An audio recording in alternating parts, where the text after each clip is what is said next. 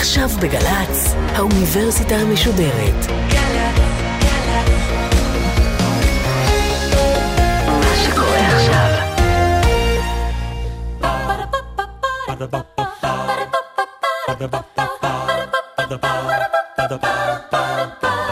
האוניברסיטה המשודרת בשיתוף מיזם וויז מציגה המדען העירום. מיטב החוקרים בישראל בשיחה עם בן שני, אחד על אחד, מול קהל. והפעם, שיחה נוספת עם רון פולמן, פרופסור לפיזיקה קוונטית וראש קבוצת השבב האטומי באוניברסיטת בן גוריון, על תיאוריית הקוונטים ושאלת הרצון החופשי. עורכת ראשית, מאיה גאייר. ערב טוב לכם כאן בבאר שבע. עבר שבוע, לא תאמינו, אבל אנחנו עוד כאן עם פרופסור רון פולמן. פרופסור רון פולמן הוא פרופסור לפיזיקה מומחה לתורת הקוונטים ולננו-טכנולוגיה כאן באוניברסיטת באר שבע. אנחנו נמצאים במקום שנקרא בר המנגה בבאר שבע עם הרבה מאוד קהל שגם אפשר לשמוע אותו והוא גם ישאל אותך שאלות. בשבוע שעבר בחלק הראשון של המפגש איתך שוחחנו על הקריירה שלך, איך התחלת אה, את לימודי הפיזיקה באוניברסיטה הפתוחה בכלל, איך הגעת למכון סרן בז'נבה ועסקת שם בחקר החלקיקים, במאיץ החלקיקים הגדול שנבנה שם. ואז התחלנו לדבר על התורה הזאת, על תורת הקוונטים שאתה חוקר אותה והצלחת לבלבל אותנו כמו שהתורה הזאת הצליחה גם לבלבל את החוקרים שחקרו אותה לאורך השנים דיברנו על איינשטיין, דיברנו על שרדינגר, דיברנו על דה ברוי היום אני רוצה לדבר על מה שאתה עושה כאן במעבדה שלך באוניברסיטת באר שבע על איך הפיזיקה הקוונטית מתרגמת לניסויים במעבדה כשקראתי קצת לפני המפגש הבנתי שאתה אוהב להגדיר את מה שאתה עושה שם בחדרי המעבדה בתור לדבר עם אטומים, נכון? נכון. אז תגיד לי רון, איך מדברים עם אטום? טוב, אז uh, מדברים עם אטום כמו שאני מדבר איתך, איך אני מדבר איתך? Uh, מיתרי הקול שלי יוצרים איזושהי, uh, איזשהו גל, זה בעצם מודולציה שאני שם על גלי קול, והאוזן שלך קולטת את המודולציה הזאת, והופכת את זה לזרמים חשמליים במוח שלך, ואז המוח שלך מבין את האינפורמציה. אותו דבר בדיוק אתה עושה כשאתה בתחנה של גלי צה"ל משדר מאנטנה פעם היא הייתה ביפו, אני לא יודע אם היא עדיין ביפו. ביפו לגמרי, כן. וזה משדר גלים אלקטרומגנטיים, אבל אתה בתחנה שם את האינפורמציה על הגלים האלקטרומגנטיים האלה, קוראים לזה לעשות אה, מודולציה או אפנון אה, של אה, הגלים האלה, וזה מגיע לאנטנה של הרדיו במכונית, ואז הרדיו יודע להוציא את האינפורמציה מתוך הגלים ולהפוך את זה למוזיקה או לדיבור במכונית. אותו דבר בדיוק, אנחנו, באותו אופן אנחנו מדברים עם אטומים. אה, האטומים כמו שהסברתי אה, הם מבודדים לגמרי, הם נמצאים בתא ואקום אה, אני שם אותם בבידוד מוחלט כדי לראות את התכונות הקוונטיות הטהורות שלהם. זאת אומרת, אתה יכול לבודד אטום אחד ולהניח אותו בתוך... כן, אתה שם אותו בתוך תא ואקום שהוצאתי ממנה את האוויר. אטום של איזה חומר בדרך כלל? אנחנו מתעסקים למשל עם אטום שנקרא רובידיום, שהוא מהטור הראשון בטבלה המחזורית, אבל אנשים, מעבדות שונות, מתעסקות עם אטומים שונים. ובעבר התעסקתי עם אטום אחר שנקרא אה, ליתיום. זה תלוי באיזה ניסוי אתה רוצה לעשות, היום אנחנו מתעסקים עם אטום שנקרא רובידיום והוא נמצא בתא ואקום, כלומר הוא חושב שהוא בחלל העמוק, הוצאתי את כל האוויר מהתא וזה בשביל שלא יפריעו לו, לא יפריעו לנו. זה כמו שאתה בבית קפה ואתה לא רוצה שיפריעו, אתה לא רוצה שיהיה רעש מסביב, אתה רוצה לשמוע מה הבן אדם השני אה, אומר ובצורה קצת יותר מדויקת אני uh, הסברתי כבר בשבוע שעבר ואולי אני אסביר יותר uh, השבוע שבשביל שהתכונות הקוונטיות לא יהפכו לתכונות קלאסיות אנחנו באמת חייבים בידוד אה, רציני. עכשיו איך אני מדבר איתו? יש לי חלונות בתא הוואקום הזה ואני יורה עליו לייזר, קרן לייזר, שזה בעצם גל אלקטרומגנטי בדיוק כמו שיורה האנטנה של גלי צה"ל, היא רק לא עושה את זה באור הנראה, בגלל זה אנחנו לא רואים קרן לייזר יוצאת מהאנטנה של גלי צה"ל אני כן משתמש באור הנראה, זה נראה כמו קרן לייזר, אבל בדיוק כמו אנטנה של, כמו תחנת גלי צה"ל ששמה את האינפורמציה על גלים אלקטרומגנטיים, אני שם את האינפורמציה שלי, את המילים שלי, אני שם על אותו קרן לייזר שעובר דרך החלון לתוך תא הוואקום ופוגעת באטום. עכשיו, איך אני יודע איזה מילים לשים? בעצם אני תמיד אומר לאנשים שאנחנו לא היינו צריכים להיות במחלקה לפיזיקה, אנחנו היינו צריכים להיות במחלקה לספרות. למה? כי מה שאני והסטודנטים שלי עושים כל היום זה אנחנו בונים מילון. אנחנו בונים מילון משפת בני אדם לשפת אטומים, כי יש להם שפה אחרת לחלוטין. ועכשיו את המילים האלה אני שם על קרן הלייזר הזאת, שעובר דרך החלון לתוך תא הוואקום. אני רואה שהאטום קולט את קרן הלייזר הזאת, בדיוק כמו שהאוזן שלך עכשיו קולטת את הגלים שאני משדר אליך, גלי הקול. אם באמת בניתי מילון נכון, הבנתי את המילון שלי הוא מדויק משפת בני אדם לשפת אטומים, הוא קולט את מה שאמרתי, הוא עושה משהו, למשל ביקשתי ממנו לחשב, או ביקשתי ממנו למדוד זמן, או ביקשתי ממנו למדוד שדות מגנטיים, או ביקשתי ממנו לזוז ימינה, או ביקשתי ממנו לזוז שמאלה. הוא עושה את זה, ובכך אני מבין בעצם שהמילים שלי מדויקות, והוא מחזיר לי את התשובה, אם ביקשתי ממנו לחשב, או ביקשתי ממנו למדוד זמן, הוא מחזיר לי את התשובה בדיוק מהשעה עכשיו. ולמה כשמדברים על המונח הזה, שעון אטומי, טוענים שהוא הדבר הכי מדויק שקיים ביקום?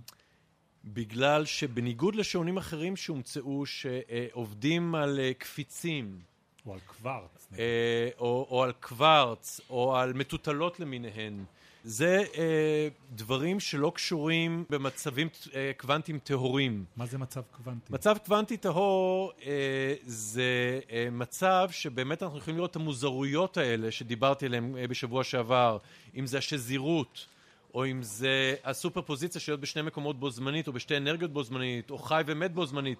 כשאני אומר מצב קוונטי טהור, אני מתכוון מצב שבו אפשר לראות את המוזרויות האלה בצורה הכי טהורה והכי ברורה שיש.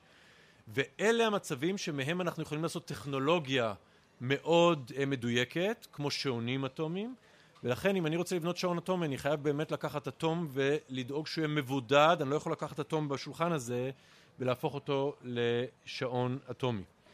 אוקיי, אז שעון קוונטי זה מושג שכולנו מכירים. איזה עוד אפליקציות קוונטיות אנחנו מכירים שהתיאוריה הזאת עומדת מאחוריהן? אוקיי, אז בואו אני אספר לכם קצת על uh, טכנולוגיה קוונטית.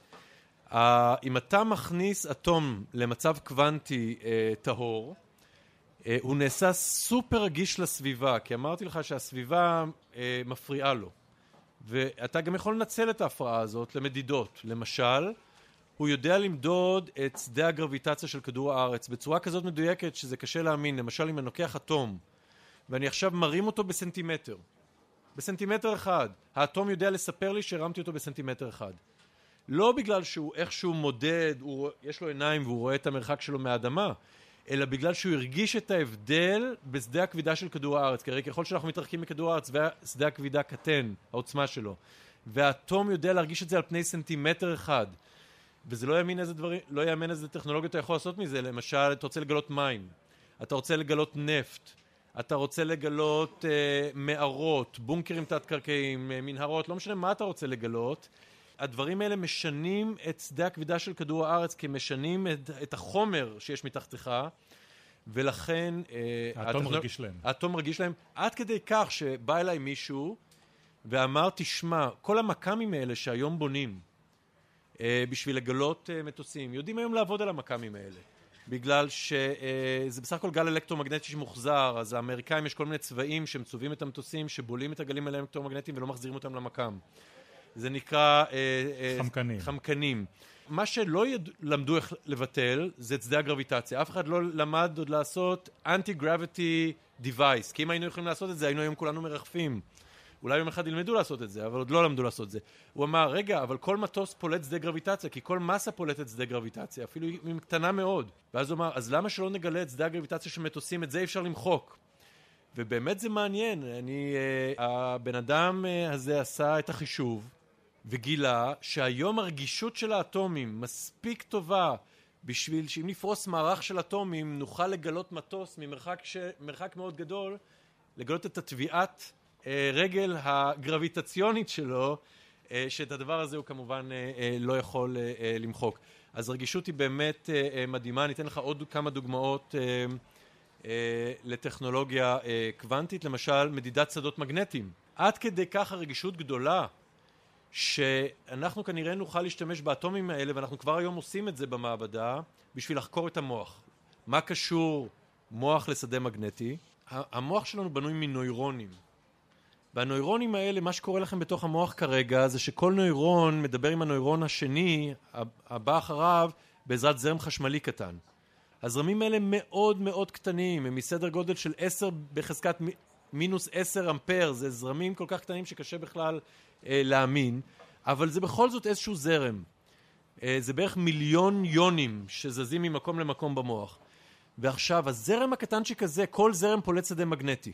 אם אמרתי שהאטומים שלנו מאוד מאוד רגישים לשדות מגנטיים, אז בעצם אני אוכל לפזר אטומים, מבודדים כמובן, הם צריכים להיות בתוך תאי ואקום קטנים מסביב למוח, והם יוכלו לקלוט את השדות המגנטיים האלה, ואנחנו נוכל למפות את המוח יותר טוב מ-MRI שעולה המון כסף וגם אי אפשר להיכנס אם יש לך קוצב לב או אה, מ-CT שיש לו את הסכנות שלו או מכל מיני גלאים אחרים נוכל למפות את המוח בצורה יותר זולה וגם אולי יותר טובה ואז אולי גם אה, לעזור למצוא תרופות לאלצהיימר ודברים אחרים. כלומר כל העניין גם מבחינה מדעית טהורה איך המוח עובד זה מה שגרם לי לחשוב על השאלה האם אנחנו חיים?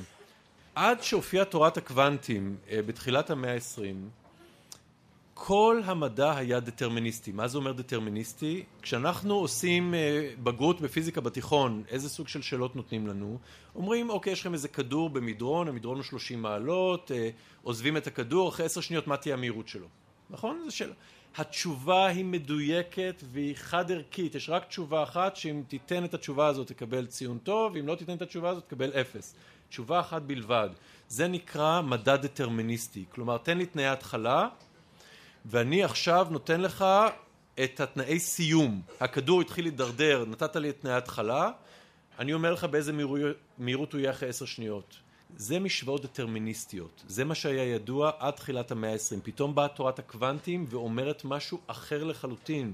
תורת הקוונטים היא תורה הסתברותית. היא אומרת שיש לך תנאי התחלה מסוימים, ולא ברור בוודאות מה תהיה תוצאת הסיום של הניסוי. יש הסתברויות שהתוצאה, יש הסתברות מסוימת שהתוצאה תהיה כזאת, או שמהירות הכדור תהיה כזאת, והסתברות אחרת שמהירות תהיה כזאת. היא יודעת לתת לך פונקציות התפלגות של הסתברויות, פונקציות הסתברות שאתה יכול לבדוק אותן. אם אתה עושה את הניסוי הרבה פעמים אתה יכול לבדוק את הדבר הזה. עכשיו למה זה כל כך חשוב? אנשים לא מודעים לעוצמה של דטרמיניזם. מה זה אומר דטרמיניזם? זה אומר שלמשל המוח שלנו, המוח שלנו בסך הכל בנוי מאטומים, אבל אם אטום הוא בסך הכל בנוי מאלקטרונים ופרוטונים ונויטרונים, ויש בסך הכל ארבע כוחות שאנחנו מכירים בטבע. יש את הכוח הגרביטציוני שמחזיק אתכם עכשיו בכיסא, זה אחד. יש את הכוח החזק שמחזיק את הפרוטונים בתוך הגרעין, אפילו שפלוס דוחה פלוס. יש, זה הכוח הגרעיני קוראים לו, הכוח החזק. יש את הכוח החלש שגורם לקרינה רדיואקטיבית. של דבר, אה, אלקטרונים שעוזבים את הגרעין, קוראים לזה קרינת בטא, ויש את הכוח, אה, האייפון שלנו עובד על הכוח האחרון, שזה הכוח האלקטרומגנטי. כל האלקטרוניקה שלנו עובדת על הכוח האלקטרומגנטי. עכשיו, אנחנו מכירים את ארבעת הכוחות האלה, ואנחנו יודעים מה הנוסחאות לארבעת הכוחות האלה. עכשיו, אם אטום עובד על פי ארבעת הכוחות האלה, והמוח שלנו זה בסך הכל צבר של אטומים, אז המוח שלנו דטרמיניסטי, כי אם האטום דטרמיניסטי, אז גם המוח שלנו דטרמיניסטי. אבל אם המוח שלנו דטרמיניסטי הוא בסך הכל מכונה, אבל אם הוא מכונה, אז הוא צפוי מראש. לא משנה שברמה הטכנית אנחנו עוד לא יודעים איך לצפות אותו מראש כי יש המון אטומים וזו בעיה מורכבת. אבל הוא ברמה העקרונית צפוי מראש. ומה, אם אנחנו צפויים מראש ואם אנחנו מכונה, אז מה זה אומר כשאני למשל אומר אני אוהב גמבה או אני אוהב גזר? אני הדעות הפוליטיות שלי הם ימינה, הדעות הפוליטיות שלי הם שמאלה. אני אוהב מכוניות מרוץ, אני אוהב מכוניות משפחתיות. מה, מה זה אומר כל אני אוהב, אני רוצה? זה, זה לא אומר שום דבר, כי המחשבה היא לא שלנו. המחשבה היא איזושהי, של איזושהי מכונה שתלויה בתנאי התחלה שקשורים בגנטיקה או תנאים הסביבתיים שהיו באותו רגע והמכונה המאוד מורכבת הזאת ובגלל זה אנחנו היום לא יודעים לחזות אותה מוציאה את התוצאה שהיא אוהבת או לא אוהבת משהו רוצה או לא רוצה משהו ברגע מסוים וזה אומר שאנחנו אומרים זאת המחשבה שלי, זאת הדעה שלי, מי אני? אני מכונה. עכשיו, יש הרבה הגדרות לחיים, אדם בכל זאת צריך לחשוב על מהי הגדרת החיים. יש כאלה שאומרים, מה, אני מכונה ביולוגית אז אני חי, אבל גם לטאה היא מכונה ביולוגית, היא חיה? פרה היא מכונה ביולוגית, היא חיה כמו שאנחנו חיים? או אומרים, אה, יש תהליכים כימיים, גם באבן יש תהליכים כימיים, או בצמח יש תהליכים כימיים, או אומרים התרבות, גם חלזונות מתרבים.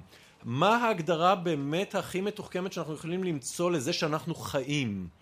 עכשיו, יום אחד, אנחנו עוד לא יודעים אם המוח פועל על פי עקרונות דטרמיניסטיים של הפיזיקה הקלאסית, או הוא פועל על פי תורות, אה, עקרונות תורת הקוונטים. ואני חושב שהמדע בעתיד יוכל אה, לתת אה, אה, אינפוט, יוכל לתת אה, דברים מאוד מעניינים, לספר לפילוסופיה אה, ולמדעי הרוח דברים מאוד מעניינים על מי אנחנו. אותי מעניין הניסוי הזה סיפר, שסיפרת עליו בשבוע שעבר, שבו הצלחת, אמרת, לקחת שעון ולשים אותו בו זמנית בשני מקומות? נכון, זה אז ניסוי... זה תיאוריה או שהצלחת? לא, לא, זה ממש עשינו. אה, פה בבאר שבע אה, לקחנו אה, אטום, הפכנו אותו לשעון אטומי, ושמנו אותו בשני מקומות בו זמנית, דבר שמותר על פי אה, עקרונות תורת הקוונטים. מותר, אבל איך עושים את זה? מותר. עכשיו, איך עושים את זה? זה סיפור ארוך ואני צריך לשבת פה אה, אה, אה, אתה הרבה לא מאוד יכול שעות. לגרות אותנו ככה ואת הדבר הזה לא להסביר. בפועל פיזית האטום היה בשני מקומות? כן, אבל במקום, כן, הוא פיזית היה בשני מקומות בו זמנית, ואנחנו יכולנו להוכיח את זה אה, במאמר שפרסמנו. אה, כמובן שלא היינו מפרסמים את המאמר אם לא היינו יכולים להוכיח בצורה שלא יהיו ספקות שהשעון הזה היה בשני מקומות בו זמנית. אבל הסיפור המעניין פה הוא לא רק זה שהשעון היה בשני מקומות בו זמנית, אלא שאיינשטיין קבע ששעון סופר זמן או מודד זמן בקצבים שונים בגבהים שונים מעל כדור הארץ. זה נקרא gravitational redshift. כלומר, ככל שאתה יותר קרוב למסה גדולה, השעון עובד בקצב שונה. ולכן גם אם תיקח uh, תאומים ותשים אחד קרוב לכדור הארץ ואחד רחוק מכדור הארץ, הם יזדקנו. זה לא סתם איזושהי בעיה של השעון, אלא זה ממש אפילו תהליכים ביולוגיים יחזרו על זה. אז אחד יזדקן ואחד לא יזדקן. אותו דבר איינשטיין דרך אגב אמר לגבי מהירויות, שעון מהיר ושעון איטי, וגם את זה הראו על כדור הארץ, אה, הראו כבר בניסויים על כדור הארץ, השעונים רצים בקצבים שונים. אז אדם שייסע מהר לעומת אדם שייסע לאט תאומים, זה שנסע מהר יכול לחזור לכדור הארץ ויראה שאחיו התאום כבר לפני 200 שנה נפטר ונקבר. אז יש, איינשטיין בעצם גילה שזמן זה דבר יחסי. זה היה אחד הדברים החדשים שאיינשטיין עם תורת היחסות הביא לנו. עכשיו, למה זה קשור בניסוי של השעון עם שני המקומות בו זמנית? כי אם זה נכון, והוכיחו כבר עם שני שעונים שזה נכון, שככל שאתה בגובה שונה מעל כדור הארץ, הזמן רץ בקצב שונה, מה קורה לשעון בודד, שאתה שם אותו בשני מקומות מעל כדור הארץ, בשני גבהים מעל כדור הארץ, בו זמנית, ואחרי זה אתה מחזיר אותו להיות שעון אחד, וזה מה שעשינו, ואתה שואל אותו מה השעה. הרי הוא מדד שני קצבים שונים של אה, אה, זמנים, של, אה, אה, של שעות, הוא מדד שעה שונה כשהוא היה בגבהים שונים.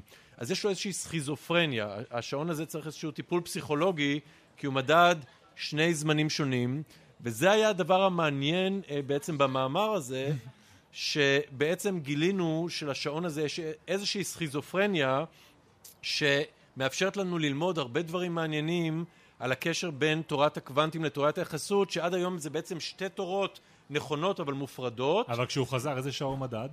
הוא מדד שעה מאוד מוזרה, שאני כרגע לא אוכל אה, לספר לך בדיוק את הפרטים שלה, אבל שוב, שממנה אנחנו יכולים ללמוד על האינטראקציה בין תורת היחסות לבין תורת הקוונטים. אז סלח לי על השאלה הפשטנית. כן. סטארט-טרק. שגר או תסקוטי הם אומרים שם שהם נכנסים לקפסולה הזאת ושולחים אותם לכוכב אחר? את זה אפשר יהיה לעשות? זו שאלה מדהימה שקשורה בנשמה. בלשון של הפיזיקאים הדבר הזה נקרא טלפורטיישן. האם אתה יכול לקחת מצב קוונטי, כי זה המצב הכי עמוק והכי מדויק שיש לנו, של גוף של בן אדם, כל האלקטרונים והפרוטונים והנויטרונים שכרגע יש לך בגוף ובמוח, ולהעתיק אותם בצורה מדויקת, להעלים אותם במקום בחללית ולהעתיק אותם על הפלנטה, או להעלים אותם בפלנטה. להדפיס אותם במקום אחר. להדפיס אותם במקום אחר. וזה נקרא בשפת המדענים טלפורטיישן, ואנחנו כבר מצליחים לעשות את זה לחלקיק בודד. לחלקיק. חלקיק בודד, עוד לא גוף של בן אדם, חלקיק בודד, כבר הצליחו לעשות את זה. ו... אבל אה, אתה יודע, ההתקדמות של המדע היא, אה, היא כל כך מהירה, שאני לא אופתע לפחות אם יצליחו יום אחד לעשות את זה אה, לאדם, ויהיה מעניין לשאול את האדם הזה איך הוא הרגיש אחרי המעבר הזה. יהיה מעניין לראות מי האדם שיסכים. כן. פרופסור רון פולמן, אמרנו שבכובע השני שלך אתה גם כן מרכז פה את הפעילות הננו-טכנולוגית באוניברסיטת באר שבע. דבר איתי על המושג הזה, ננו-טכנולוגיה. זה רק... אני שומע את זה כל הזמן משמעון פרס, ש- שהוא מאיים עלינו על העתיד ש- שנמצא שם. מה כבר הפיתוחים שנמצאים אצלכם במעבדה? קודם כל, ששואלים אותי מה זה ננו-טכנולוגיה, כי כולם מדברים על ננו-טכנולוגיה. עכשיו, ננו-טכנולוגיה זה בעצם גם עולם קטן, אבל הוא עוד לא נוגע בתורת הקוונטים, אבל כבר יש תכונות שונות, מאוד מיוחדות, שבהם אנחנו יכולים לעשות מכונות שהן בעצם בגודל של מולקולה. תאר לך שאני עכשיו בונה מעבורת חלל בגודל של מולקולה. עכשיו, המעבורת חלל הזאת, יש לה תא טייס, כלומר, היא יודעת לעשות הומינג על איזשהו מקום, יש לה מכ"ם, יש לה תא טייס, יש לה תא מטען, ויש לה מנוע.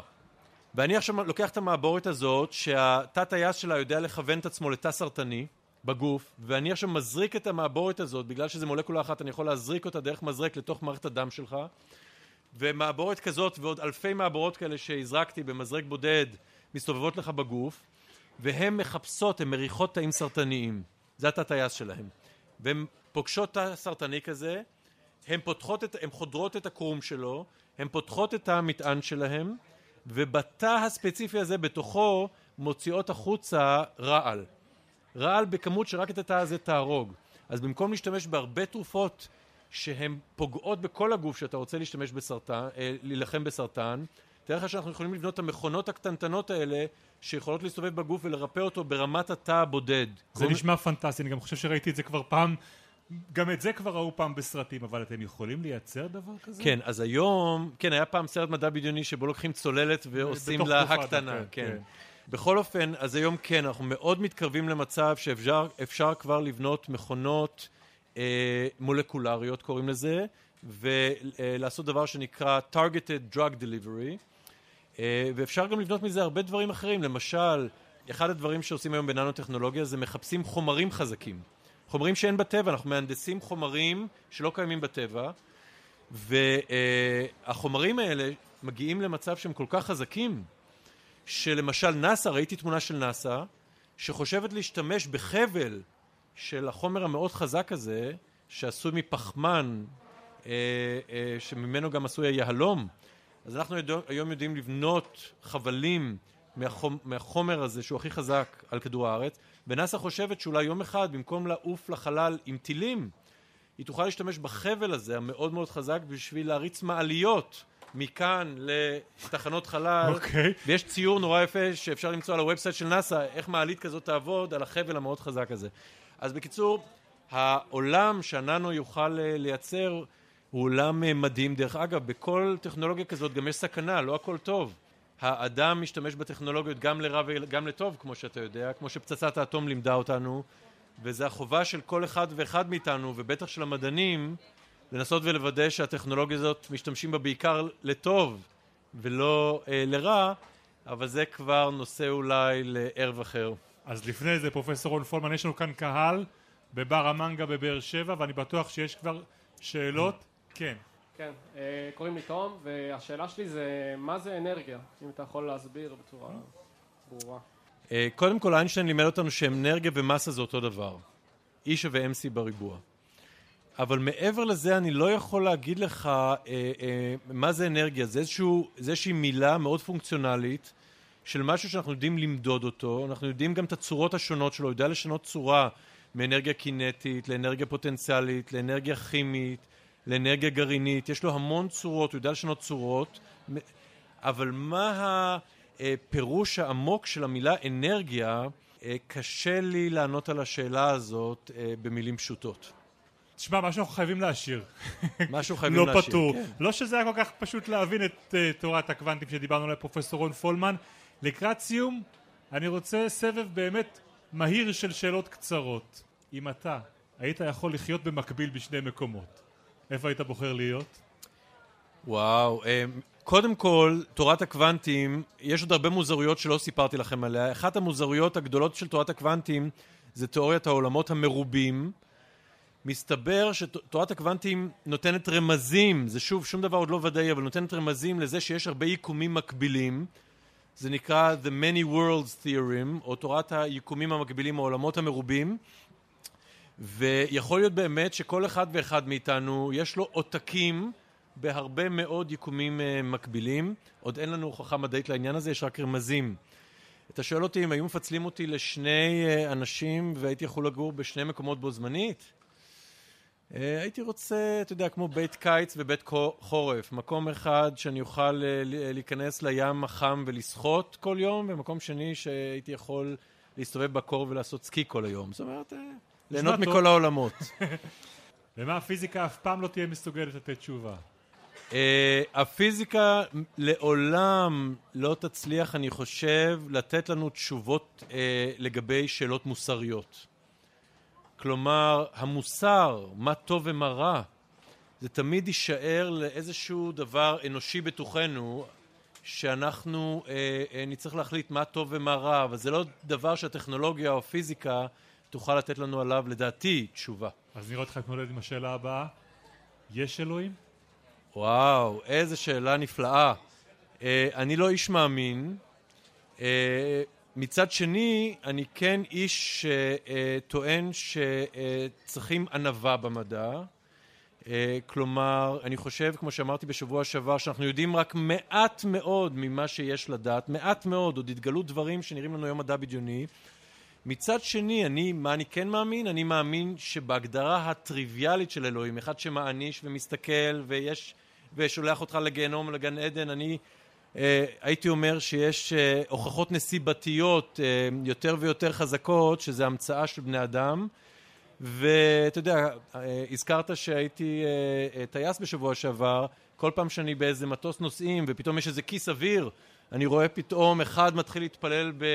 לאלוהים המוסלמי ואחד מתחיל להתפלל לאלוהים היהודי ואחד מתחיל להתפלל לאלוהים הנוצרי וזה די נראה שפחד הוא אחת הסיבות שהביאו הבני אדם להאמין בזה, משמעות היא סיבה אחרת, קשה לנו מאוד לחיות בלי משמעות, אבל הייתי אומר שאתה יודע מה, יש אלוהים שאני כן מוכן להאמין בו, וזה אלוהים שאנחנו נגיע למסקנה שאנחנו ממציאים אותו, וזה אה, שייך לשאלה הקודמת שלך, זה ה-concept of goodness, העיקרון של הטוב, שזה המדע לא יכול להביא לנו.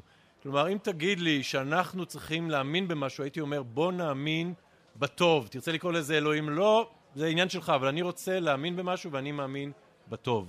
אז שאלה אחרונה הערב. החתול של שרדינגר, הוא חי, נכון? זה, אה, כמו שאומרים באנגלית, in the eye of the beholder, זה תלוי במסתכל, במתבונן. פרופסור רון פולמן, תודה רבה רבה לך על השיחה הזאת הערב. אני רוצה שוב להודות לך ולהודות לעורכת שלנו, מאיה גייר, ואביגיל קוש שעשתה את ההפקה ואת התחקיר.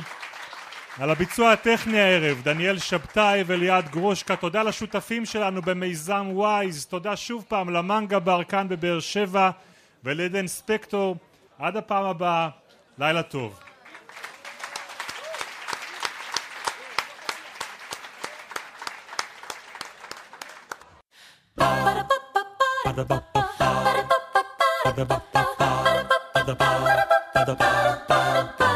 האוניברסיטה המשודרת, המדען העירום. בן שני שוחח עם רון פולמן, פרופסור לפיזיקה קוונטית וראש קבוצת השבב האטומי באוניברסיטת בן גוריון, על תיאוריית הקוונטים ושאלת הרצון החופשי. עורכת ומפיקה אביגיל קוש. מנהלת תוכן מאיה להט קרמן. האוניברסיטה המשודרת, בכל זמן שתרצו, באתר וביישומון של גל"צ, וגם בדף הפייסבוק של האוניברסיטה המשודרת.